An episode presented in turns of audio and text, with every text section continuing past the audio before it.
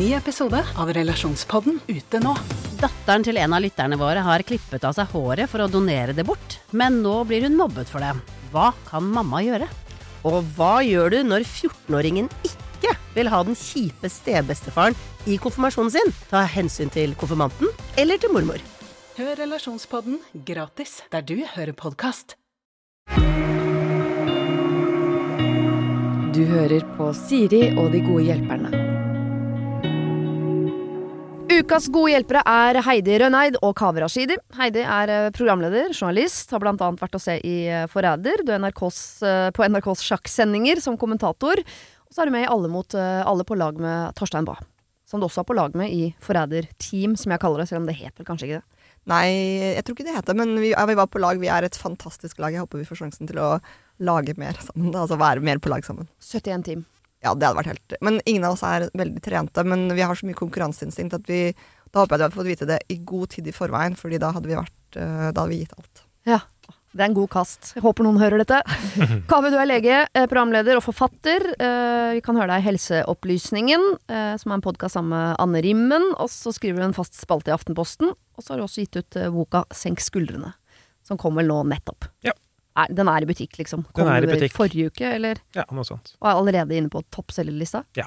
Oi, oi, oi. Folk vil senke skuldra, vet du. Nå, det er god timing nå etter jul. Ja, det høres ut som jeg har veldig senka skuldre med den lista du hadde der, med ting jeg gjør. Ja. ja, Men det er ingen som har sagt at du skal senke skuldrene. Nei, nei, nei. Det er folket som skal senke Det er sånn det er å være lege, vet du. Be andre folk om ikke røyke og ikke drikke, og så skeie ut sjæl. Ja, det er sånn det er. Ok, det er litt det vi skal gjøre nå. Skal be folk der ute eh, gi dem råd som vi ikke nødvendigvis hadde fulgt selv, men som vi hadde fått hvis vi hadde bedt om det. Begynner med et problem som heter klem med mening. Her står det. Hei, Siri og dine gode hjelpere. Jeg har i flere år hatt et godt øye til en mann. Vi er fra samme by, og jeg så han først på Tinder, men han har aldri likt meg der. Vi er begge i midten av 20-åra og har mange felles interesser. Jeg er egentlig ganske beskjeden av meg, men jeg gutset og la han til på sosiale medier for et års tid siden. Så snappet vi noen uker før vi møttes på hans initiativ. Vi kjørte oss en tur, og etter det ba han meg med seg hjem til han, og jeg følte semien var god, og vi lo, og vi hadde det gøy, og han var en skikkelig fin fyr. Før vi skiltes ga han meg en klem og sa vi møtes vel igjen.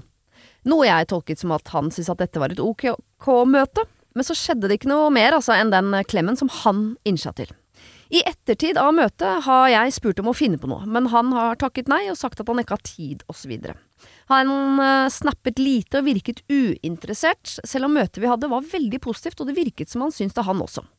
Jeg vet at alle sier at da har han noen andre, eller han er ikke interessert allikevel, men nå har det gått et år siden dette møtet, og jeg greier ikke å få han ut av tankene mine. Jeg er skikkelig betatt, øh, og alt jeg vil er å bli bedre kjent med han. Er det noe jeg kan gjøre? Hvor langt kan man gå før man gir opp? Var den klemmen og det, de smigrende ordene 'vi ses vel igjen' bare for at øh, han øh, følte at jeg var ganske interessert? Er det ikke attraktivt for menn at kvinner viser interesse og initiativ? Kan jeg prøve å overtale han, eh, overtale han med på noe jeg skal øh, gå på, eh, eller skal jeg bare glemme denne mannen? Please, hjelp meg. Jeg har sett på Tinder nå ettertid at han, på, eh, at han er på jakt etter et forhold, eh, noe jeg også er. Altså, han er fortsatt singel. Det har gått et år. Han ga en god klem. Det var god stemning. Men siden det har han ikke klart å få til et møte. Skulle han gi opp? Og alle de andre spørsmålene som vi lurte på. Oi, vanskelig. Um, ikke gi opp uten ett siste 100% all in-forsøk, tenker jeg. Sånn Nå er det veldig mye tolking av signaler og sånn halvveis, men han svarer ikke så mye på Snap, og hva kunne det ha betydd? Mm. Hvis du gir opp nå, så blir det bare usikkerhet. Ja. Du har ikke noe ordentlig closure der du er nå. Du har ikke liksom Boka er ikke ferdig. Og boka kommer kanskje til å ende opp med sånn Oi, hun fikk ikke drømmeprinsen. Men send en melding og si det. Du er drømmeprinsen. Oh. Kan jeg få deg? Ja. Å, shit. Da hadde Men da får du nei, da. Og Ja, så antagelig.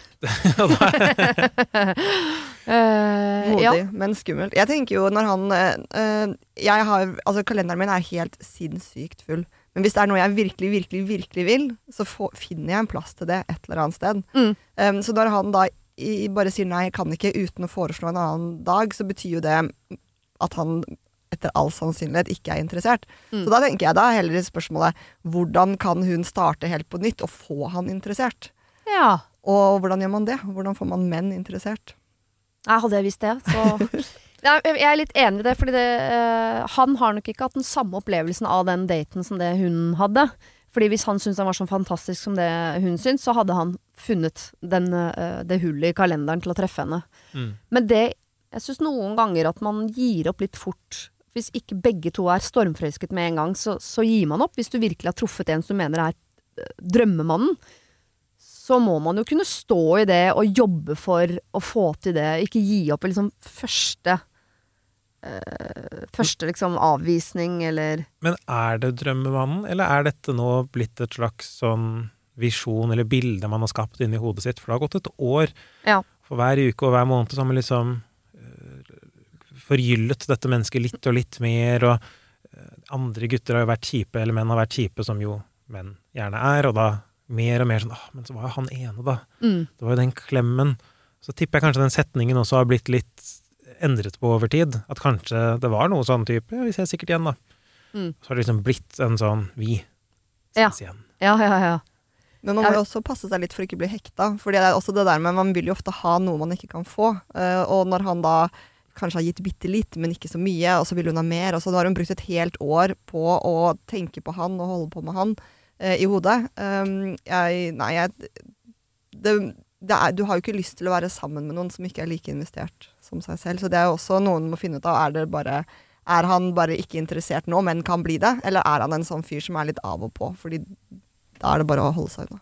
Ja, for det kan jo ha vært timing. Det kan jo hende at han data en annen også, som han da likte bedre enn henne. Så har han blitt bedre kjent med denne, og så viser det at nei, hun likte ikke de, Altså, de har møtt hverandre én gang. Eh, Så eh, jeg syns det er tidlig av henne å tenke at dette er drømmemannen. Og jeg syns det er tidlig av han å tenke at dette er ikke drømmekvinnen. Det, disse to kan eh, være bra for hverandre, eller kan ikke Det vet de egentlig ingenting om. Men utgangspunktet er så vanskelig, for han er mann i midten av 20-årene. Mm. Det er den mest sånn ikke binde seg-tiden mulig, og hun vet at han er på Tinder. Mm. Ergo han er på date 24-7. Hvis ikke så er du ikke på Tinder. Jeg tror det er Eller? mange som er på Tinder som ikke er så på mye date. Sier jeg som eh, Ja, jeg vet ikke er på Tinder. Det Men fins folk på eh, Tinder som ikke dater i det hele tatt. dukker de da opp i søket til den andre personen? Vet ikke. Kan veldig lite om Hvis de, Tinder. det kan hende de har lyst til å date, men ikke går på så mye dater. Eller Ja. det kan hende at de går på masse dater. Jeg er dystopikeren eh, av oss tre, merker jeg. jeg. Jeg får en sånn følelse av at hun må videre, Ja. og at for å kunne gå videre, så må hun bare få en ja eller en nei en gang for alle. Ja, Det er jeg enig i, fordi i det du sier med at hun har drevet forgylt han nå i et år, gjort han bedre, det- handler jo bare om at hun har ikke svar på alle spørsmålene sine, så hun har bare lagd sine egne svar, og han har blitt bedre og bedre, og så det hadde vært fint å møte han en gang, fått til ett møte, eller fått et ordentlig nei, eller sånn, sånn at hun enten kan legge den ballen død, eller møte han og finne ut at han ikke er så bra, eller finne ut at han faktisk er helt fantastisk, og at det var verdt å ta det siste forsøket. Ja, men, det, men jeg tenker jo hvis hun, hvis hun gjør det, altså sjansen for at han sier nei, er jo Hvis hun skal få han til å si ja, så må hun jo lure, lure han i hermetegn til det. Det må være sånn nei, jeg er ikke ute etter kjæreste, og vi kan bare se hva som skjer. Og vi bare, det var sånn min kjæreste lurte meg. Mm. Altså Jeg var nysingel, jeg har vært singel i to uker. Jeg skulle bare forsyne meg av det Oslo hadde å by på, liksom. Av uh, morsomme opplevelser. Og så møtte jeg han, og så var det sånn Han liker teknomusikk, det hater jeg. Jeg kunne aldri blitt sammen med en fyr som liker teknomusikk. Og så skulle jeg aldri ha kjæreste noen gang igjen. Og han var sånn nei, nei, det skulle ikke han heller.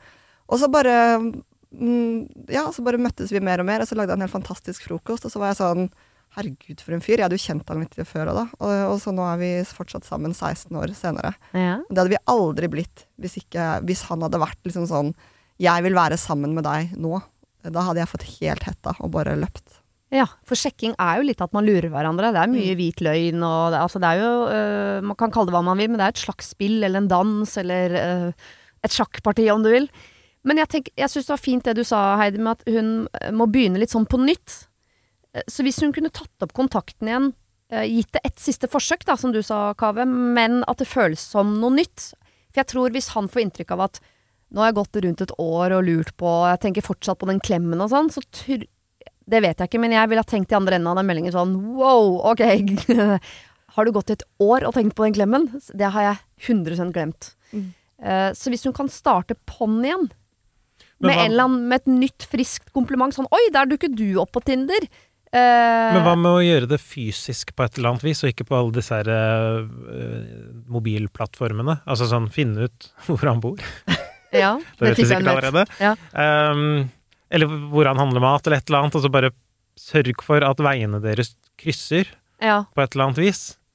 Og da har du i hvert fall muligheten til å skape et romantisk øyeblikk. Det er Og- utspekulert, jeg elsker det. Ja, men hvis du skal eh, ta Heidi-strategien, da, av å først lage noe, og Mm. så gå all in, heller enn min strategi som bare sånn eh, finner ut hvor dere står nå. Så, så gjør det fysisk, i hvert fall. Det er jo veldig, veldig mye mer sjarmerende, tror jeg, syns alle, å se et menneske som er glad i deg, enn å Mm. bare få tekster av det. Ja, hvis hun tør og får til det, så er jo det fint. Um, jeg ble faktisk sammen med en fyr en gang fordi at han kysset meg. Og så tenkte jeg sånn, det var så rart at han kysset meg, så jeg bare kysset han tilbake. Fordi at det var mye lettere enn Dette var lenge før metoo. Eh, så, så, og vi ble også sammen. Vi var sammen i tre år. Ja. ja, man kan jo lulle seg inn i ting hvor man ikke Man har ikke rukket å stoppe opp og tenke sånn Vent, da, jeg liker at du liker meg, men jeg har faktisk ikke tatt stilling til om jeg egentlig liker deg. Mm. Det er mange forhold, tror jeg, hvor man bare Som man er i fordi man blir blendet av å bli likt. Mm. Og så vet man ikke engang om man liker. Og så begynner du å like etter hvert. Fordi når du, når du kysser, når du henger sammen, når du gjør fine ting, så er det lett å bli forelsket. Ja. Så hvis hun klarer å møte han på en eller annen måte, så er det fint. Gi han et ekte menneskemøte. Men jeg, tenker, jeg tror det er viktig at hun tar med seg den byen litt på nytt. At Mm. ikke det, dette er en fortsettelse av den ene daten for et år siden. Fordi eh, ja, det, det, bare, det føles litt off, på en eller annen måte. Enig. Sier jeg som holdt på med dette i åtte år. Det var, uh, før jeg kjefta min mann inn i et forhold, og der er han fortsatt. Ikke fordi han er forelsket, men fordi han er livredd. En slags gissel. Ok, uh, det, jeg, jeg tror det er det hun skal gjøre. Eh, Prøve å møte han, eller sende han en melding på Tinder eller hva det måtte være, og starte litt på nytt. Uh, og se om hun får en avklaring. Mm. Ok, hva er greia med barn egentlig? Hei, jeg trenger hjelp til å kanskje bli litt klokere på om jeg eh, vil ha barn eller ikke. Jeg føler meg likegyldig til barn. Hva er positivt med barn? Bør man få barn? Jeg begynner å nærme meg 30, og mannen min er 15 år eldre enn meg, så om vi skulle fått barn, så må det jo skje snart. Jeg vet ikke. Bare diskuter. For eller mot barn. Tusen takk, elsker dere. Hilsen Ida. Veldig fint spørsmål. Mm. Um, hvis man er så usikker, så er jo det et litt vanskelig utgangspunkt. Da. For jeg tror kanskje at det å ville ha barn burde komme innenfra. At Ja. det burde være en sånn Som ofte så kommer det sikkert utenfra, fordi du ser alle andre, og det er oppskriften på et perfekt liv i vår kultur, og da skal du ha to barn og stasjonsvogn og hytte og hele greia. Så hvis du i det hele tatt har begynt å liksom gå den retninga, så høres det litt ut som om motivasjonen kanskje ikke er der. Jeg er helt enig. For det er, det å, det er et løp som er lagt opp, som det, det er litt naturlig at vi følger, alle sammen. Ikke sant? Mm. Vi skal gå på skole, vi skal gjøre ferdig videregående, vi skal studere, vi skal finne en partner, vi skal gifte oss, vi skal få barn, vi skal jobbe videre, vi skal gå av med pensjon, vi skal dø. Så med en gang du på en måte tenker utenfor den linja, så tror jeg at det er et ganske sterkt tegn på at du ikke ønsker nødvendigvis akkurat den, den linja, og, og at du ikke ønsker barn. Og jeg har jo ikke barn selv. Eh, Jeg har vært akkurat i den situasjonen selv. Jeg har egentlig aldri hatt noe lyst på barn, og så har jeg vært sånn uh, Alle andre begynner å få barn, moren min begynte å masse veldig om barnebarn. Og jeg var liksom sånn Å, jeg blir redd, eh, alle hopper på dette toget, barnetoget, jeg får ikke være med på det. eh, Eller jeg vil ikke være med på det. Og, og det er en veldig vanskelig periode akkurat rundt 30. Nå er jeg 41, og jeg er så glad for at jeg ikke fikk barn. Det har Mm. alltid vært riktig for meg. Og jeg bare jeg bare elsker livet, og så vet jeg at det kommer til å bli dritkjipt når jeg sitter på gamlehjemmet og ikke har noen barnebarn som kan besøke meg, men da skal jeg spille dataspill. Så da går det bra. Det er ikke sånn at folk på gamlehjem har masse barnebarn som kommer og besøker dem. Ass. Det, man, jeg tror man, de barna stikker jo når de er sånn 14. Ja, det holder ikke å lage dem, i hvert fall spille korta dine. Altså, du, du må jo lage barn som blir glad i deg, Ja. for å få besøk av dem på gamlehjemmet. Ja. Jeg hadde jo litt motsatt utgangspunkt. Jeg visste ganske tidlig at jeg hadde lyst på barn. Sånn tidlig 20-årene, liksom. Um, og måtte prøve kjempelenge, og det var sånn prøverørsbefruktning og masse greier før det ble noe barn. Men det er ikke sånn at det å få barn skapte en sånn eufori eller lykke i det hele tatt. Og det veit jeg det er forska på også. Folk som har barn, er jo ikke lykkeligere enn en andre. De føler mer mening i snitt med livet. Jeg, jeg leste en uh, overskrift i Aftenposten for mange år siden som jeg hang meg opp i. Så det er ikke en investering i eh, lykke her og nå, men det er en investering i langsiktig lykke. Som er nettopp det få besøk på gamlehjemmet-delen av det, tror jeg. Ja, og for meg så var det fint å få barn fordi uh, det, Hvis ikke så hadde det alltid vært en slags greie det, jeg, jeg måtte, Det er som hvis det klør skikkelig, og du bare må klø for å kjenne hva som skjer. Det var det. Var det, det, bare, det, var et sterkt driv. Jeg ville prøve det. Mm. Um, men det er ikke noe sånn fantastisk ved å ha barn som jeg føler at sånn Hvis du ikke har det, og ikke har det behovet, det er nesten en fordel. Ja. Da kan du, da kan du leve et liv som er mye mindre begrenset, da. Og jeg tenker, det som gjør dette vanskelig, er sånn hvis man har veldig lyst på barn, så er det ikke noe tvil om at da burde man få barn. Mm. Eh, Hvis man absolutt ikke har lyst på barn, så burde man ikke få barn. Eh, men da hadde hun ikke spurt, hvis hun var i en av de to gruppene. Hun er jo på, i den gruppa midt på som er litt sånn eh, Mm. Jeg føler meg likegyldig til barn, så jeg, jeg, det kan hende at livet mitt hadde blitt bedre med, men det kan også hende at jeg Men det er veldig sjelden Jeg tror det er veldig få mennesker som har barn, som tenker Åh, angrer! Det, de tror jeg ikke det er så mange av. I hvert fall ikke som sier det høyt. Jeg lurer er på om det er flere enn du tror, altså. Ja. Å, ja. For Jeg tror det bare er tabu å si det, og så tror jeg det i det hele tatt er tabu å føle det. Men jeg Ja. tror, mange, jeg tror for eksempel mange skilsmisser egentlig handler om at ø, barna er så dritt og legger en så mye belastning på forholdet. Selv pensjonister har jo mer sex enn småbarnsforeldre, Mm. har jeg hørt. Um, så Det er bare å glede seg, se. det, det er jo veldig mange sånn greier i et forhold som går dritt. Ja. Uh, og så kan man jo ikke ta vekk barna fra regnskapet, og ønsker ikke nødvendigvis det, men man kan skille seg Mm. og få litt space, kanskje, fra familielivet noen ganger. Så, så det er så mange sånn varianter av at man syns Ikke at alle som skiller seg, har det, altså. Men det er mange varianter av hvordan man kan håndtere det der med at sånn Fader, dette livet er vært tøffere og annerledes enn det jeg forventa. Ja. For det er det jo alltid når man får barn. Og så tror jeg Uansett det- hvor godt forberedt man er. Det er jo helt psyko sammenlignet med hva man trodde. Ja, og så tror jeg det er forskjell på det å elske å ha barn og det å elske barnet. Altså, jeg er jo ikke i tvil om at jeg elsker barna mine, men om jeg elsker liksom hele pakka med uh, unger og alle problemene og sånn Nei, og noen ganger tenker jeg det har sikkert vært mye lettere å la være. Uh, men jeg synes det er fint at man tar et regnskap på det, for jeg har prøvd å se for meg sånn Hva hadde livet mitt vært uh, uten barna? og livet til meg og min mann. Og jeg må bare innrømme at jeg tror ikke vi hadde Jeg klarer ikke å se for meg hva annet vi skulle fylt det livet med, for verken jeg eller min mann er sånn veldig lidenskapelige mennesker som, som kunne viet liksom 20 timer i døgnet til å pusse båt, eller Altså, jeg har ikke noen sånne altoppslukende hobbyer. Jeg har aldri blitt liksom 100 investert i noe som helst, verken uh, musikk eller hobbyer. Det er ingenting som, som jeg har lyst til å fylle livet mitt med. Så for meg tror jeg livet hadde blitt fryktelig kjedelig om ikke jeg hadde uh, to eh, eh, barn som tar opp mye av min tid.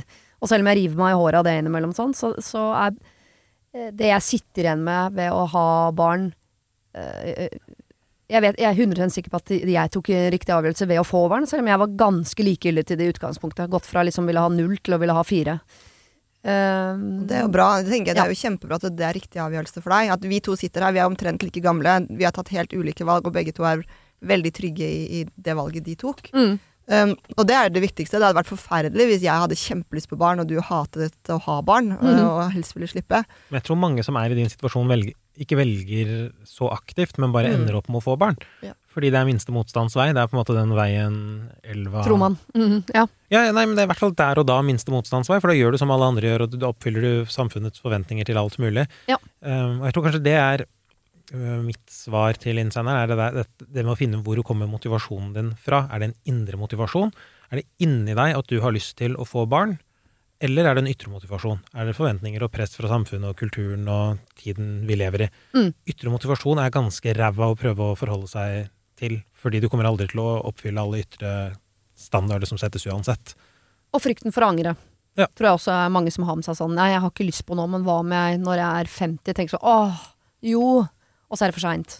Men det tror jeg, du kommer, altså jeg tror du kommer til, uansett hvilke valg du tar i livet, så kommer du til å tenke sånn ah, Hvorfor ble jeg ikke arkitekt i stedet? Hvorfor, hvorfor jobbet jeg? Hvorfor valgte jeg å bli lege? Hvorfor dro jeg ikke dit? Hvorfor, altså, Mm. Det er jo mange sånne ting. Det kommer jo til å skje uan, uansett. Og, um, og jeg tenker jo også at liksom det å velge bort barn altså det, er, det er veldig mye ytre press, uh, som du sier. Det er liksom fordi du blir spurt om det hele tiden. Jeg har ikke Mm. tall på hvor mange ganger folk som er gode venner, alt fra gode venner til folk som jeg ikke kjenner, spør sånn derre Ja, skal ikke du ha barn? Eller så har jeg lagt på meg lite grann, og så på heisen på jobb så var det noen som var sånn Å, så hyggelig at du har blitt gravid. Nei, sånn, gud, slutt å si det. ja, altså liksom, men at det, det er en sånn forvent, det er en kjempeforventning, særlig Mm. til kvinner, om at du skal få barn innenfor det alder, den aldersgruppen som hun er nå, og kanskje fem, seks, syv år fram i tid. Og det er ganske hardt å stå i. Mm. Um, og, og kjipt å stå i, og hele tiden måtte prøve å, å forsvare det. Og så hvis du da også sier 'nei, jeg vil ikke ha barn', det kan du ikke si, fordi det liker ikke folk å høre. Fordi det virker som at man dømmer andres valg, da. Ja. Så det er, det er hardt. Og så tror jeg nok at uh, Jeg tror man angrer uansett hva man gjør, på en eller annen måte. Og så tror jeg du kan ha et helt fantastisk liv med barn. Mm. Et helt slitsomt liv uh, også, og liksom lite søvn og sånne ting, men utrolig mye gleder i at når barna begynner å snakke, når barna lærer nye ting, når de sier at de er glad i deg, mamma eller pappa, eller uh, Kjempefint. Og så kan du ha et helt fantastisk fint liv uten barn. Når du sover hele natta, når du ikke trenger å spørre partneren din er det greit om jeg stikker på eh, det selskapet på lørdag. Eh, altså er det sånn nei, det kan jeg ikke, det kan du ikke fordi et eller annet, da skal jeg noe annet. Du, jeg kan gjøre hva jeg vil når jeg vil, eh, og det er den frihetsfølelsen kjempefin for meg. Eh, og helt klart verdt det å ikke ha barn. For andre kjempefint å ha barn og, og få all den nærheten og alle de positive opplevelsene der. Kanskje det egentlig ikke Kanskje man bare burde senke skuldrene her, og, og, og bare, bare følge magefølelsen. Ikke overtenk det. Fordi jeg er enig med deg, Heidi, at sånn, enten du får barn eller ikke får barn, så det blir som det blir. Ja. Livet kommer til å være passe fint og passe dritt, fordi det er det et liv er. Ja. Um, så bare følg magefølelsen. Ikke tenk så mye over det. Nei. Sånn, spør deg selv superraskt 'har jeg lyst på barn?' Og så svarer du på det kjempefort, og så velger du det svaret. Og så kanskje er svaret et annet neste år. Da får du barn da, eller Ja, og så syns jeg egentlig generelt at drift, altså det ønsket om å få barn skal være Du skal ikke være i tvil om det når du setter i gang det prosjektet. Så jeg ville tenkt, Hvis jeg hadde vært helt likegyldig til barn, så tror jeg jeg hadde helt i retning av Da dropper jeg det. Jeg kan Faktisk. anbefale eh, folk å prøve en, eh, Flåsete sagt, altså, men siden jeg og kjæresten min prøvde i mange, mange år på å få barn, så setter jeg så sinnssykt pris på dem nå, Mm. at når de begynner å spy en eh, søndagskveld, og jeg finner ut at fader, denne uka jeg kommer til å bli omgangssyk på hele gjengen, så er det alltid en sånn liten Ja ja, men jeg jobba veldig hardt for å få deg. Ja. Så dette her skal jeg sette pris på. Um, så det er et eller annet også med det der sånn, Hvis du først setter deg et mål om at jeg skal ha lyst til å få barn, så tror jeg det går litt lettere, Fordi da er du liksom helhjerta inn i det. Mm. Da, da går du inn i et prosjekt og tenker at sånn, dette her, dette er et livsprosjekt. Dette er ikke bare en rask ting, en hobby. Nei. Så eh, enn så lenge nå, når du er likegyldig, så ikke problematiser problematisere så veldig. Se det an. Eh, ikke, ikke rush inn i det. Kanskje du får lyst på, da tar du tak i det da. Akkurat nå ikke noe du egentlig trenger å Du trenger nesten ikke å ta stilling til det engang. Ja. Men jeg ville jo Jeg ville kanskje brukt prevensjon fram til jeg visste om jeg ville ha barn eller ikke. Ja, fordi når du først har fått de, så da, da må du gjøre det som trengs. Denne uken har eh, Siri og De gode hjelperne et samarbeid med utstillingen The Mystery of Banksy, A Genius Mind. Den utstillingen kan du se på Økernsenteret i Oslo helt fram til 16. juni. Til eh, tross for at Banksy er verdens mest kjente gatekunstner, så er han samtidig også helt anonym. Det er ingen som vet hvem han er, og en av grunnene til det er at han er etterlyst for vandalisme. Kunsten hans er ikke på utstillingen, det er altså 200 reproduksjoner utført av andre gatekunstnere du kan se på Økernsenteret. Og siden han er så anonym og utilgjengelig, så er det også umulig å få en godkjenning av utstillingen av Banksy selv, men folka rundt Banksy, som kaller seg Pest Control, de gjør kontroller og sier ifra hvis det ikke er godkjent. Og det har de ikke gjort her, og utstillingen er derfor å anse som godkjent. Og jeg tenker at eh, Banksy høres ut som en litt sånn eh, kul fyr, selv om jeg vet jo ikke hvem han er. Jeg bare ser hva han skaper. Eh, og jeg merker at jeg liksom blir, jeg blir nysgjerrig på han. Jeg husker en tidligere sjef jeg hadde, fortalte meg at Siri, de som hører på deg på radio, de må enten ha lyst til å bli sammen med deg, eller så må de ha lyst til å være vennen din, eller i hvert fall gå på fest sammen med deg. Da lytter de. Eh, jeg vet ikke om jeg har så veldig lyst til å bli kjæreste med Banksy, vanskelig å si, men eh, det hadde definitivt vært veldig gøy å gå på fest med han eller ha han som venn, bare for å høre litt mer om eh, hva som bor inni det kunstneriske hodet hans. Kjøp billetter til utstillingen på mystery-banksy.no. Her kan du også lese mer om utstillingen. Bruk kodeordet Siri. Velg tidsbestemte billetter på hjemmesiden, og få billetter til kun 250 kroner. Koden gjelder til og med 31. mars. Kiwi er billigst i VGs matbørs og har vært billigst i fire av de fem siste VGs matbørser. Og nå presser vi prisen på påskevarer fram til 1. april. På 591 gram Toro vaffelmiks presser vi prisen fra 35,90 helt ned til 29,90. På 410 gram Lerum jordbærsyltetøy presser vi prisen fra 29,40 helt ned til 22,90. For det er vi som er prispresserne. Og vi i Kiwi gir oss aldri på pris.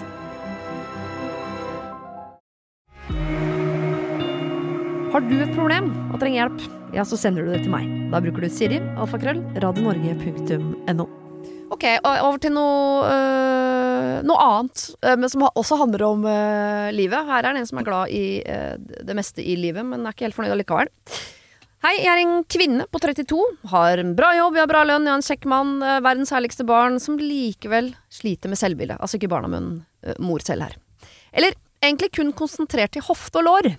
Jeg er sånn passe sprek, vil jeg påstå. Selv om jeg har en stillesittende kontorjobb, så går jeg snitt 10 000 til 14 000 steg på en vanlig dag. Jeg løper tre-fire ganger i uka, er ute på aktiviteter som for eksempel ski, så å si hver helg. Enkelte perioder blir det mye trening, men selv om jeg løper på tre fjelltopper i uka, har jeg alltid dette partiet på hofter som er litt bredere enn resten, som liksom gjør at jeg alltid ser utrent ut, og som gjør at jeg skjemmes over å gå i bikini pga. cellulitt og appelsinhud. Jeg sliter veldig med å finne bukser som passer, fordi hofta er proporsjonalt bredere enn jeg er tykk skråstrek høy. Jeg vil som regel kle meg slik at jeg skjuler hoftene, men jeg er 1,60 høy, det er begrensa hvor store klær jeg kan gå med før det ser helt rart ut. Og ja, jeg har prøvd en rekke ulike produkter for at huden i seg selv skal bli finere, men det er ingenting som funker. Er det greit å gjennomføre en bitte liten kosmetisk korrigering? Vil det gi resultater? Vil jeg føle meg bedre? Vennligst hilsen vellykket kvinne med litt for brede hofter. Det er vanskelig. Ja. Kan du det medisinsk sånn Fins det en bitte liten korrigering hun kan gjøre som gir resultater? Man kan være en skulptør og fikse alt man vil på Ja. kroppen hvis man vil. Eh, Men det er jo forska på, da, og de fleste ender ikke opp med å bli mer fornøyde. Man pleier ofte å bytte til noe annet som man er misfornøyd med. Ja. Så plastikkirurgi, eh, eller det er ikke riktig å si, kosmetisk kirurgi, Mm. er veldig ofte en kortsiktig løsning. Jeg synes det er mer interessant ta litt tak i hvorfor er dette hoftepartiet så betydningsfullt for deg? Hva, hva er det denne, dette ubehaget og disse følelsene egentlig symboliserer? Føler du deg Hva føler du omkring dette? Jobbe Ja. mer med de følelsene. Jeg er litt redd for at det høres veldig ut som en quick fix, fordi litt av problemet når man er 32, er at kroppen er på stupet og kommer til å forfalle veldig fort. Eh, igjen, jeg kommer med et pessimistisk Dette kommer ikke Dette er ikke noen solskinnshistorie, det som kommer til å skje videre med den kroppen. Nei, men Eh. kroppen nå har vel begynt å, å pakke sammen sakene sine for å legge ut på en siste reise, har den ikke det? Altså, Jo, og sånn Ja. Hvis vi skal snakke om sånn hvor lenge vi egentlig er ment å leve, hun har sånn ti år igjen, så, så skal ikke den kroppen være på jorda lenger. Um, så jeg er litt usikker på om hun løser et problem, eller om hun bare skyver det litt frem i tid. At på et eller annet tidspunkt så kommer, om det ikke er lårene, så kommer rumpa til å bli saggy, og så kommer brystene til å være ned til navla, og så kommer huden til å bli rynket. Underarmer. Altså ikke underarmer, Ja, men undersida av arm. Det såkalte grevinnehenget. Ja.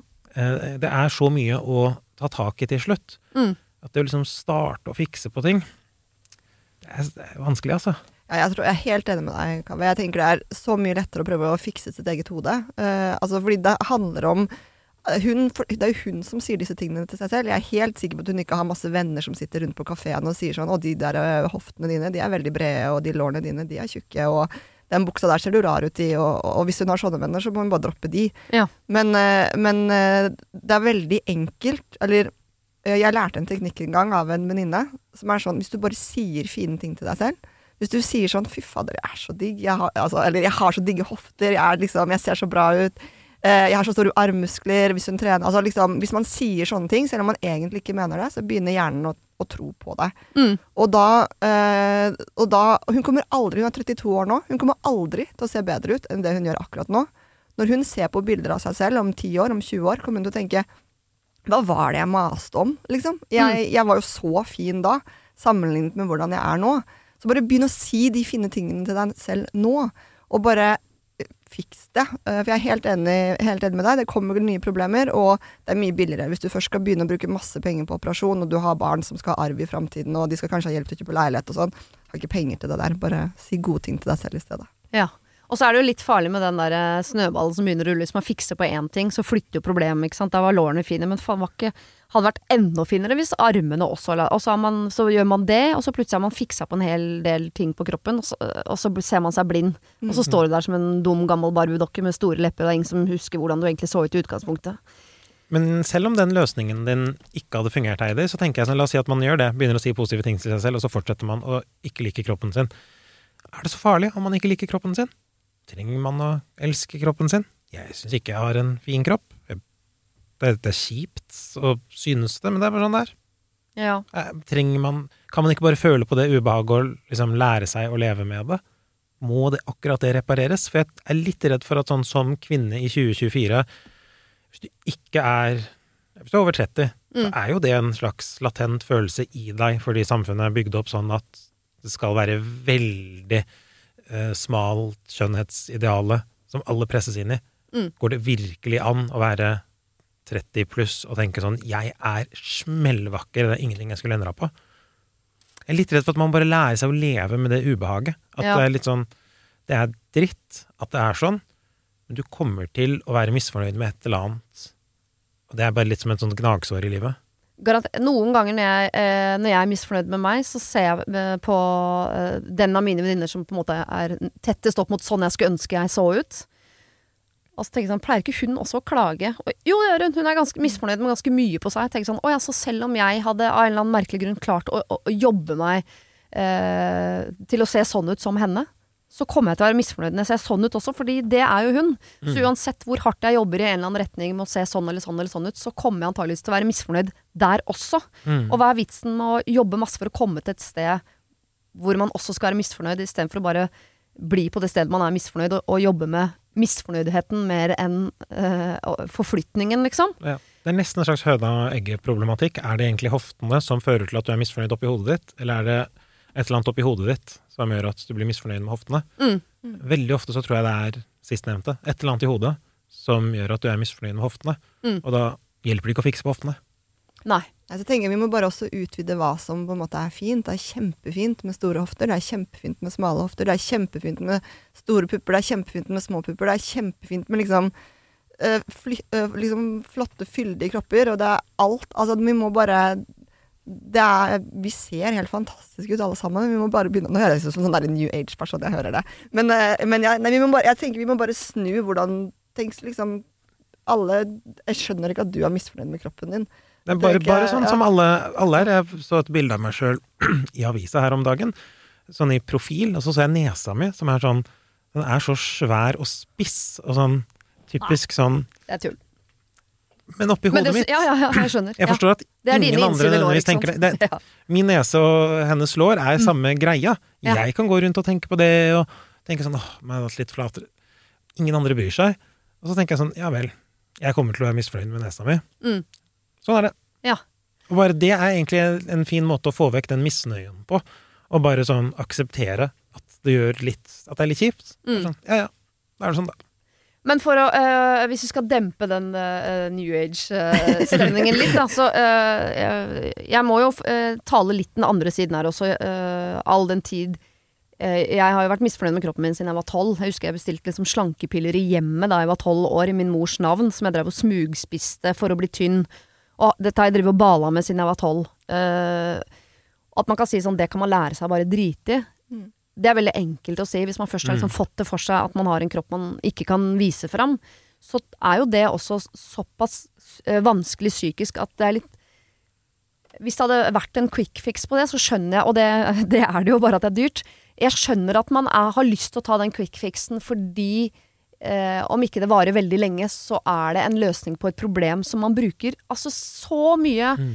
eh, tid og energi på Jeg bare vet sånn, i de periodene hvor jeg har vært uh, tynnere enn de andre periodene, så er jeg jo faktisk lykkeligere fordi jeg bruker mindre energi på å tenke hvordan genseren skal ligge over buksa, når jeg setter meg, hvilken pute skal jeg legge i fanget, Mm. når jeg skal ut, hvordan skal jeg også pynte meg, men allikevel at jeg skjuler de tingene. Altså, jeg bruker jeg, brukte, altså, jeg har ikke talt på mange timer i døgnet jeg brukte på å, eh, at min kropp ikke skulle synes. Mm. Både for meg selv og overfor andre.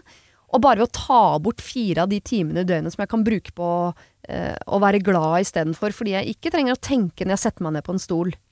Jeg må jo si at det, rent sånn gevinsten psykisk, er ganske høy. Eh, så jeg kan skjønne at man, hvis hun bruker masse tid på å tenke sånn åh, jeg er jo egentlig fin, men jeg kan ikke gå i bikini fordi de lårene er for store. Versus da sommeren etter, for hun har vært og fiksa det, så bare går hun rundt i bikini og bruker tida på å, å være glad i bikini. Jeg er enig. Jeg Så, jeg, så skjønner jeg at det er en gevinst. Jeg tror jeg bagatelliserer litt, hvor, eller veldig, hvor ille det er for den personen som opplever det, når jeg sier sånn. Mm. Bare oppleve det. Um, men det er igjen det, da, med hva er den beste permanente løsningen for å fjerne de fire timene med ubehag Mm. hver dag? Mm. Er det en kirurg, eller er det eh, noen endringer i livet? Kunne man eksempel ha fått kjæresten til å si de tingene som du sier Heidi at man skal si til seg sjøl. Mm. Burde han vært litt mer på banen og gitt litt mer komplimenter? Hadde det kunnet hjelpe? Kan, kan man liksom nå målet her på en litt mindre invasiv måte? Ja. Sikkert. Jeg tenker sånn, Min grunn til at jeg er skeptisk, er at jeg er redd for at liksom idet hun har tatt lårene, så vil hun ta armene, og da vil hun ta magen, og så ble det fjes. Ikke sant? Fordi man vil ikke Og det vet man ikke før man begynner. Er dette starten på noe jeg skal drive med nå? Eller er det den ene, og så er jeg faktisk fornøyd herfra og ut? Eh, og er det den ene, og så er du fornøyd herfra ut, så tenker jeg sånn go for it. Men hvis du da om, et, om åtte måneder sender en ny mail og sier sånn jeg lurer på om jeg skal fettsuge underside arm, da tenker jeg sånn wow, jenta mi, nå må vi dette er et annet type problem. Dette sitter i hodet. Men men det kan hende at her så er det lårene, det er ikke hodet. Ja, eh, men jeg tenker jo også at det handler mye om sant? Det skjønnhetsidealet som finnes, er jo helt absurd. Det er jo veldig få som ser sånn ut som det eh, blader og Instagram eh, vil at, eller mener at vi bør se ut. Så jeg tenker jo følg folk som er kroppspositiv... eller som driver med kroppspositivisme. Se liksom hvor utrolig vakre kropper er i alle mulige fasonger. Og så tenker jeg sånn, hvis du liksom Altså den, Min løsning er Det er jo sånn, ikke sant, hjernen det er, det er ikke egentlig New Age, for det er jo sånn, hjernen er jo sånn at hvis du eh, Du bygger jo eh, baner til ulike deler av hjernen, og hvis du går rundt og sier masse dritt til deg selv, så forsterker du jo disse banene i hjernen. Mm. og hvis du går rundt og sier fine ting til deg selv, så forsterker du de banene i hjernen. Så før du i hvert fall skal bruke masse penger på å på å um, ta en operasjon, da. Så gå en uke, og så sier du bare fine ting til deg selv. Liksom, selv om ikke du tror på det, si masse fine ting til deg selv. Om hoften din, om hvordan du ser ut, hvor, eh, mm, ja, hvor bra du ser ut. Og så se, og se om det funker. Det Mm. koster jo ingenting, det er helt gratis, og det er ikke farlig på noen som helst måte. Og så tenker jeg også helt sånn praks, eh, i praksis at hun kan ta en periode, samme periode gjerne, som hun skal snakke positivt til seg selv, og fremheve den delen av kroppen sin som hun prøver å skjule. Eh, for det kan godt hende at hvis hun istedenfor bruker tid på å kle seg hvor hun fremhever store hofter, at hun på et eller annet tidspunkt lærer seg å, å, å se at det er fint. For det er jo noen som har veldig lyst på store hofter, så det er jo bare fordi du har en annen smak, og at det er vanskelig eh, å se seg selv sånn som man ser andre osv. Så, videre. så jeg tenker hvis Jeg bare husker når jeg var høygravid, så syns jeg jeg hadde altså så nydelig vakker mage og kropp generelt at jeg gikk i så mye trange klær og gikk og strutta og følte meg altså så digg. Når jeg da ellers i livet har gått rundt og prøvd å skjule den magen jeg syntes var stor, men som var betraktelig mindre enn da jeg var høygravid. Eh, så det er noe med Hvis hun kunne prøvd å gå i klær som, som gjorde at hoftene hennes på en måte syns mer enn de gjør nå, kanskje hun tenker sånn faen, det er jo egentlig ganske fint, det der. Ja, jeg syns det er et veldig godt, eh, veldig godt forslag. Jeg, jeg, får du vite hvordan det går? Jeg, liksom, jeg har veldig lyst til å høre hvordan det går med dette problemet. Ja, vi pleier å få Vi ber om at folk skal sende tilbakemeldinger på hvordan Ja. det går med det. Gjør det. Ja. Så prøv eh, nå en periode. Snakk pent deg selv. Fremhev hoftene dine. Se om er dette bare noe som sitter oppi hodet ditt. Tror du at hvis du fikser dette, så kommer det til å dukke opp et nytt problem? Eh, jeg syns du skal tenke deg godt om før du gjør dette. Men vi, vi dømmer henne vel ikke hvis hun ender opp med å ta en korrigering heller. Nei for, no Nei, for noen så er jo det en helt grei løsning. Ja. Det er bare at jeg tror litt for mange tar den løsningen og ikke ender opp fornøyde. Så tenk deg godt om før du gjør det, i hvert fall. Mm. Ja. Denne uken har eh, Siri og De gode hjelperne et samarbeid med utstillingen The Mystery of Banksy, A Genius Mind. Den utstillingen kan du se på Økernsenteret i Oslo helt fram til 16. juni. Til eh, tross for at Banksy er verdens mest kjente gatekunstner, så er han samtidig også helt anonym. Det er ingen som vet hvem han er, og en av grunnene til det er at han er etterlyst for vandalisme. Kunsten hans er ikke på utstillingen, det er altså 200 reproduksjoner utført av andre gatekunstnere du kan se på Økernsenteret. Og siden han er så anonym og utilgjengelig, så er det også umulig å få en godkjenning av utstillingen av Banksy selv, men folka rundt Banksy, som kaller seg Pest Control, de gjør kontroller og sier ifra hvis det ikke er godkjent. Og det har de ikke gjort her, og utstillingen er derfor å anse som godkjent. Og jeg tenker at eh, Banksy høres ut som en litt sånn eh, kul fyr, selv om jeg vet jo ikke hvem han er. Jeg bare ser hva han skaper. Uh, og jeg merker at jeg, liksom bli, jeg blir nysgjerrig på han. Jeg husker en eh, tidligere sjef jeg hadde, eh, fortalte meg at Siri, eh, de som hører på deg på radio, de må enten ha lyst til å bli sammen med deg, eller så må de ha lyst til å være vennen din, eller i hvert fall gå på fest sammen med deg. Da lytter de. Jeg vet ikke om jeg har så veldig lyst til å bli kjæreste med Banksy, vanskelig å si, men det hadde definitivt vært veldig gøy å gå på fest med han eller ha han som venn, bare for å høre litt mer om hva som bor inni det kunstneriske hodet hans. Kjøp billetter til utstillingen på mystery-banksy.no. Her kan du også lese mer om utstillingen. Bruk kodeordet Siri, velg tidsbestemte billetter på hjemmesiden, og få billetter til kun 250 kroner. Koden gjelder til og med 31. mars. Kiwi er billigst i VGs matbørs og har vært billigst i fire av de fem siste VGs matbørser. Og nå presser vi prisen på påskevarer fram til 1. april. På 591 gram Toro vaffelmiks presser vi prisen fra 35,90 helt ned til 29,90. På 410 gram Lerum jordbærsyltetøy presser vi prisen fra 29,40 helt ned til 22,90. For det er vi som er prispresserne. Og vi i Kiwi gir oss aldri på pris.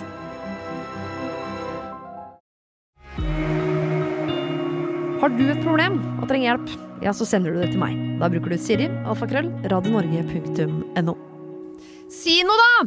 Jeg er en gift eh, dame, 30 år, ung, med to barn, som søker råd fra deg og ditt panel. Det er da dere, Heidi og Roar. Mannen min snakker ikke. Han brenner ofte inne med ting, men ja, han får det aldri ut. Jeg har selv vært eh, snakkesalig og krever nok litt mye av han når det gjelder kommunikasjon, særlig å snakke med barna, hvordan dagen hans har vært osv. Jeg kjenner det krever mye av meg, da han ikke alltid har vært sånn. Årsaken til endringen aner ikke, det bare skjedde. Per i dag føler jeg meg eh, mye ensom pga. dette, og jeg vurderer faktisk å gå fra han. Hvordan får jeg han til å kommunisere mer og bedre? Han ønsker det selv, men sier det er vanskelig. Kommunikasjonsutfordringer gjør at jeg ikke føler meg nær han, får ikke blitt mer kjent med han, vet ikke synspunktene hans på ting, og det gjør at det er mye frustrasjon og gnisninger. Hjelp! Gi meg et passende navn. Hva skal vi si til Marita? Eh, Kave, du kaller henne for Marita? Marita? Ja, Marita er fint, det. Um, Marita beskriver jo kanskje den aller vanligste årsaken til at par uh, går fra hverandre. Mm. Manglende kommunikasjon. Den største greia alle parterapeuter prøver å få til, Mhm. og hvor vi menn alltid taper. Oh, ja. Fordi vi er ræva til å få ut det som er på innsiden. Jeg er ikke trent opp til det, vi. Nei. Vi, vi, vi er liksom tøffe, røffe, skal ikke gråte, skal ikke vise følelser. Faller man som barn og slår seg og er gutt, så er det jo bare å komme seg opp igjen. Det ligger veldig mye i mange menn som gjør at uh, automatisk reaksjon på alt er hold det på innsida. Mm. Um, og hvor motstanden er helt enorm for å få det over på utsida. Mm. Så jeg skjønner han godt, men jeg skjønner også henne godt, for det må være veldig slitsomt og ensomt å være Ja. i et sånt forhold. Men vil du si at det antakeligvis bare er et instinkt hos han? At det er et eller annet han nå syns er vanskelig, og hva gjør han når noe er vanskelig? Og han lukker seg helt. Jeg, jeg tror i hvert fall ikke at han mener vondt med å være lukka. Nei. Altså, det er jo ikke en vond intensjon han har. Det er nok bare sånn han er. Og så er det kanskje spørsmålet kan han endre seg. Går det an å endre seg? Har han lyst til å endre seg? Ser han sjøl at dette her er et problem? Mm. Um, og hvis han har lyst, så tror jeg det kan gå. Eller Ja. da vet jeg at det kan gå. Man kan jo endre seg. Men hvis han ikke ser på dette som et problem i det hele tatt, så er det et vanskelig utgangspunkt. Han har jo vært annerledes før, sier, eh, sier innsender, og det, det tyder jo på at han har evnen til å snakke om noen ting, i hvert fall. Og så tenker jeg også at det kan jo handle mye om, eh, eh, om samspillet her. Det er litt sånn eh, Fordi ofte så vil vi jo at folk skal si noe, men vi må, vi må jo også ha en god reaksjon tilbake. Hvis, eh, hvis han f.eks. sier sånn eh, eh, ja, sier et eller annet som er kjipt, eller tar opp noe, og så får han masse kjeft, f.eks., da er det jo ikke Da, da, da tilrettelegger man jo ikke for det. Nei. Uh, og jeg var hos en samlivsterapeut en gang som var helt fantastisk i hadde en helt fantastisk metode for sånn derre å bare lytte til den andre. Og hun sa det er så viktig å tørre å stå i ubehaget og bekrefte den andres følelser. Mm. Så hvis du sier, for eksempel, sier til meg sånn ah, 'Jeg blir så dritirritert over at du ikke har ryddet opp etter middagen', og så sier jeg eh, 'Ja, det skjønner jeg er en skikkelig kjip følelse for deg'. Du kan alltid starte med den setningen. 'Ja, det må Ja. være en vond følelse', eller 'Ja, det skjønner jeg er en kjip følelse'. Fordi at når jeg ikke gjør det, så føler sikkert du at du har du har så mye annet å tenke på, og så må du gjøre det der i tillegg, og så eh, rekker du ikke å slappe av, som er kjempeviktig for deg, og så føler du kanskje også at jeg ikke bryr meg egentlig så veldig mye om vårt forhold, siden ikke jeg er så opptatt av at vi skal ha det ryddig og ålreit hjemme, selv, når det er veldig viktig for deg.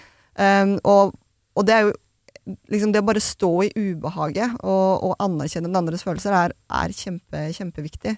Eh, så jeg tenker også at hun må også, eller jeg vet ikke om det er en mann eller en dame som har sendt inn, men i hvert fall hvis denne personen da Dame. ser litt på hvordan eh, hun har, eh, har eh, altså reaksjonsmønstrene de få gangene han faktisk sier noe, og se er det noe som kan gjøres bedre der for å tilrettelegge for at det skal bli lettere for han å, å tørre å si ting. Ja, fordi det som er lyspunktene her, eller det som gir håp her, er jo som du sier at han har jo ikke vært sånn uh, før, og også at han sier at han ønsker å endre det, ikke sant. Så Mm. da må vi jo håpe at her er det noen uh, ting som kan gjøres. Men det er jo en grunn til at denne Østersen, som sier, har lukket seg, ikke sant. Og det kan jo hende at det er nettopp måten hun har reagert på tidligere, de gangene han har tatt opp ting. Eh, at han er ukomfortabel med krangling, eksempel, eller Mm. dårlig stemning, eller Så han har bare lukket seg helt. Ettersom eh, de har fått to barn.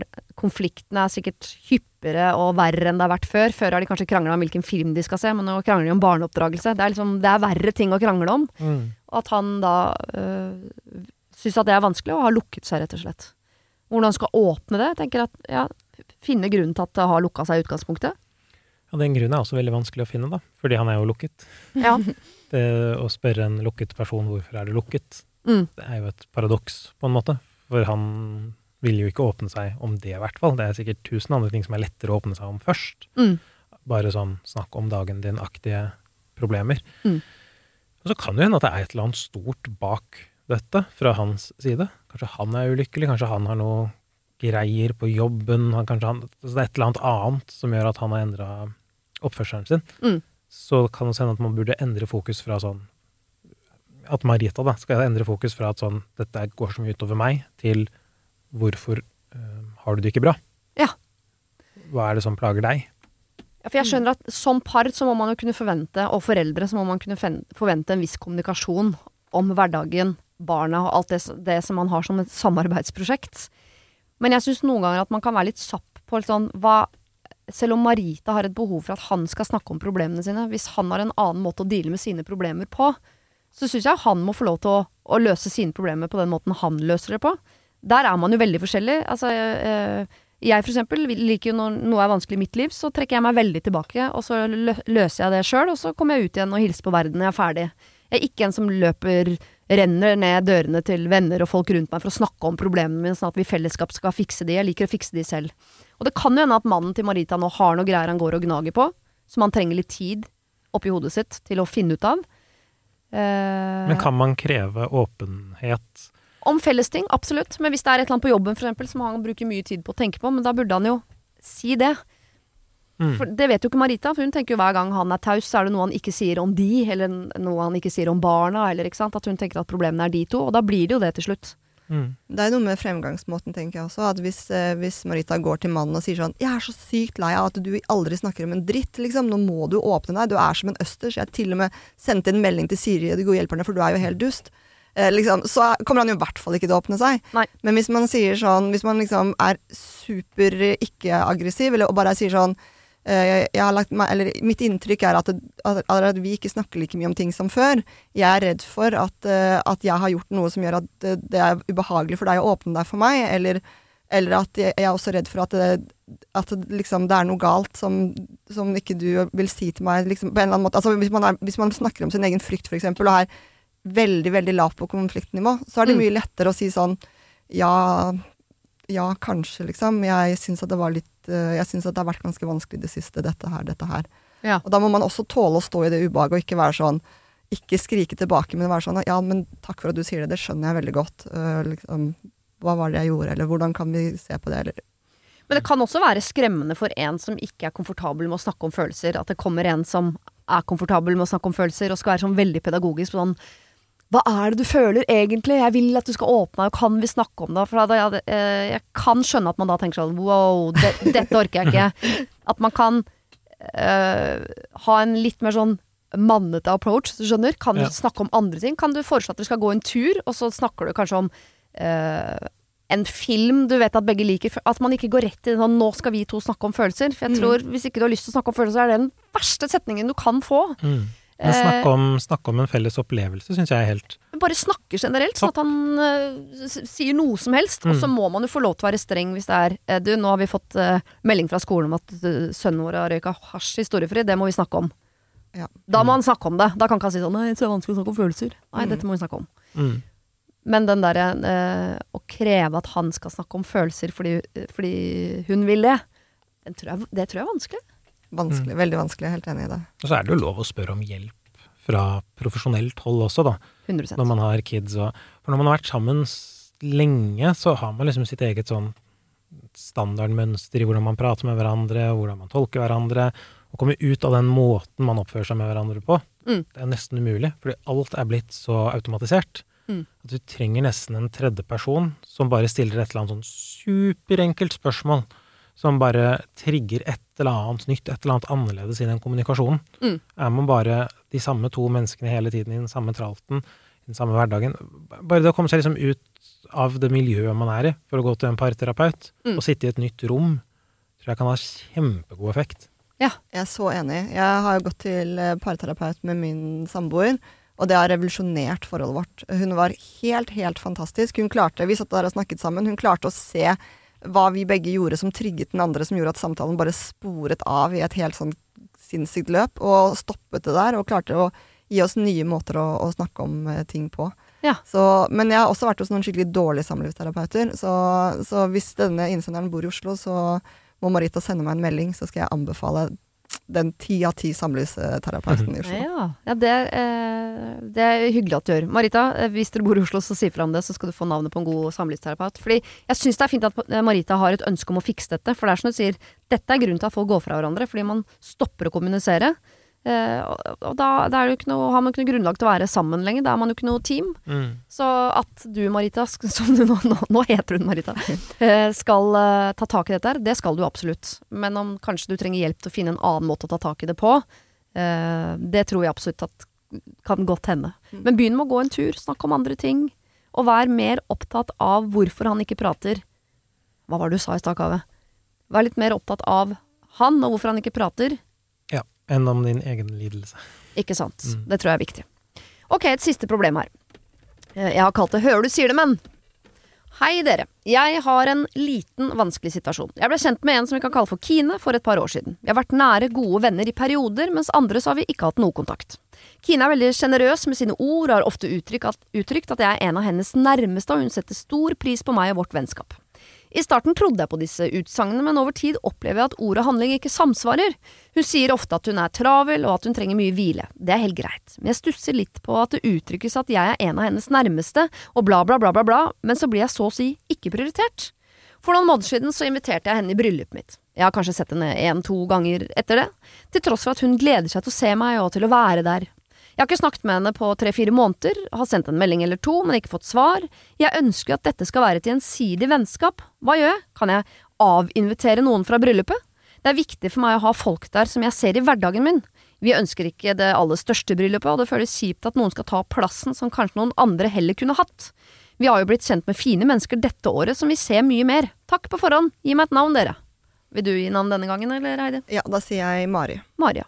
Jeg, jeg, jeg er egentlig veldig glad for at eh, Kine har invitert eh, denne venninnen til bryllup, for jeg, jeg kjenner meg veldig igjen i dette og tenker å nei, er det en av mine venner som har sendt inn dette? Ja, For du er Kine? Eller en, en Kine? er, jeg har tendenser som minner om venninnen til Kine. Ja. Uh, og jeg skjønner at det er en veldig kjip følelse å sitte på den andre siden og, og ha venner som ikke alltid nødvendigvis har tid til å finne på, på ting. Og ja. Og Men det er jo bare din måte å være venn på. Og jeg tenker at Jeg syns det er litt rart også å dømme vennene eh, sine ut ifra måten de er venn på, ut fra hvordan man er venn selv, for der er man jo veldig forskjellig. Noen er flinke til å gi komplimenter på SMS, og noen er gode på til stede. Det er jo kjærlighetsspråk, akkurat som i parforhold. Og folk har forskjellige behov. Noen eh, vil jo gjerne snakke med vennene sine hver dag, eller møtes en gang i uka, eller i hvert fall hver måned. Altså, eh, mens andre er Vennskap er sånn at du har ikke sett hverandre på, på tre år, og så møtes du, og så er det som du møttes i går, liksom. Det er eh, Jeg har en kamerat som jeg snakker med på telefonen flere ganger i uka. Jeg, jeg har ikke sett ham på ett og et halvt år, og før det sikkert ikke på tre år. Nei. Men vi har et kjempenært vennskap eh, likevel. Så han er en naturlig del av ditt bryllup, hvis du skulle ha giftet deg. Hvis ikke du har gjort det allerede, det vet jeg ikke. Um, jeg tenker det i hvert fall ikke går an å avinvitere Det går i hvert fall ikke an å avinvitere noen fra et bryllup. Enig. Det er en, en ikke-greie. Det er liksom ikke en del av et Det gjør man bare ikke. Nei, det er ikke en ting vi kan gjøre i dagens samfunn. Men jeg tror ikke det er det som egentlig er problemet her heller. Jeg tror problemet er relasjonen, og ikke sånn et bryllup. Om det er 32 eller 33 gjester der, hadde ikke hatt noe å si, og kom, den personen kommer ikke til å ha noe betydning i det bryllupet uansett, fordi det handler ikke om hvem som er der, det handler bare om brudeparet. Ja. Um, så det er vennskapet du må fikse opp i, og ikke bryllupet. Mm. Bryllupet virker som bare en digresjon. Ja, og så får jeg veldig sånn Jeg er helt enig, du kan ikke avinvitere. I hvert fall ikke når jeg Fordi øh, jeg kan være litt sånn øh, jeg, jeg liker å, å leke med tanken på å straffe. Hvis jeg føler meg såra, så har jeg lyst til å straffe noen. mm, Og det er jo det Mari driver med her. At hun eh, vil jo ikke avinvitere for å sørge for det beste bryllupet. Hun har jo lyst til å straffe Kine. Eh, det er jo en beskjed til Kine. Nå avinviterer jeg deg for å skape en reaksjon hos Kine, sånn at Kine skal komme nærmere.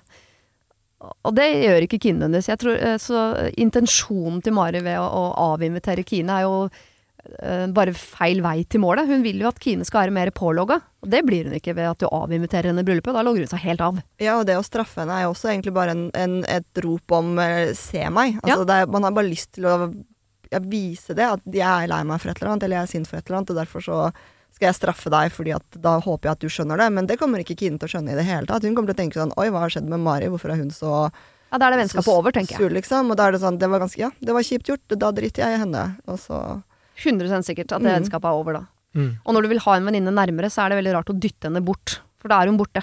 Mm. Jeg tenker Men- at ja. man må se dette fra venninnas ståsted.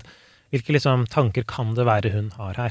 Jeg tror en veldig realistisk Eller jeg- ser tre veier der, da. Den ene er at hun venninna har ikke tenkt noe spesielt i den ene eller andre retninga. Dette er bare hennes naturlige kjærlighetsspråk, og hun er ikke så veldig Dette er bare sånn hun er. Ja. Sannsynligvis er det jo bare det. Eh, Det kan hende at hun har lyst til å skape litt distanse, at hun er litt sånn ikke så fornøyd med vennskapet, ikke, så ikke liker deg så godt. Det er jo en mulighet. Um, og så kan det også hende at det er et eller annet hun kåler med sjøl i livet. At hun har det tøft, at hun ikke klarer av en eller annen grunn å nå ut til deg. Men det er jo, et, det er jo en avsender her som, som jeg blir nysgjerrig på. Hvem, hvem er dette mennesket som ikke er i kontakt med deg? Mm. Hvorfor er hun det ikke? Mm. Du kan jo nesten ikke løse denne gåten her uten å få hennes side av saken. Nei. Jeg, bare, jeg har lyst til å lese en setning om igjen, hvor det står mm. For noen måneder siden så inviterte jeg henne i bryllupet mitt. Jeg har kanskje sett henne én til to ganger etter det. For noen måneder siden. Det er to-tre måneder, da. Og du har sett henne én til to ganger på to til tre måneder. Og for Mari, innsender her, så er det veldig, veldig lite. Mm. For meg er det sånn wow! ja. Jeg, min aller beste venninne ser jeg én til to ganger i året. Mm. Uh, det, å gifte meg uten henne til stede er 100 uaktuelt. Mm. Og når du sier at du kjenner deg igjen i Kine, Heidi, så må jeg si at jeg gjør også det. Og det betyr ikke at vi er noe mindre glad i vennene våre, men vi har et annet sosialt behov antagelig. Eller vi har andre liv. Det ser annerledes ut. Og da, når hun er en som sier med sine ord, eller på meldinger, eller hvordan hun gjør det, sier du er en av mine nærmeste, jeg setter stor pris på deg og vårt vennskap og sånn, som da Kine tydeligvis gjør til Mari, så er jo det hennes måte å kompensere på ved å si disse tingene når hun ikke klarer å vise det sånn som andre gjør. Eh, og da tenker jeg at Mari og Kine er bare veldig veldig forskjellige, men de må, hun må jo huske at de har jo blitt venner og de er glad i hverandre. De er bare forskjellige måter å vise det på. Og du kan jo, Mari kan ikke forvente av Kine at Kine skal oppføre seg sånn som hun gjør, for at det vennskapet skal ha verdi. Jeg bare, nå kan det hende at jeg er veldig på Kines parti her fordi jeg sender meg inn i Kine, men jeg, bare, jeg, jeg tror bare at Mari misforstår Kines kjærlighet, på en måte. Ja, og det er jo veldig trist, for det høres ut som Kine hvis hun, hun sier For det sto vel også der at Kine er veldig opptatt, har veldig mye å gjøre, men har allikevel funnet tid til å møte Mari to ganger eh, på noen måneder. Mm. Um, hvis jeg som også er en slags Kine, da, ville det vært en kjempekjærlighetserklæring til en venninne at jeg liksom hadde klart å få til det to ganger på fire måneder.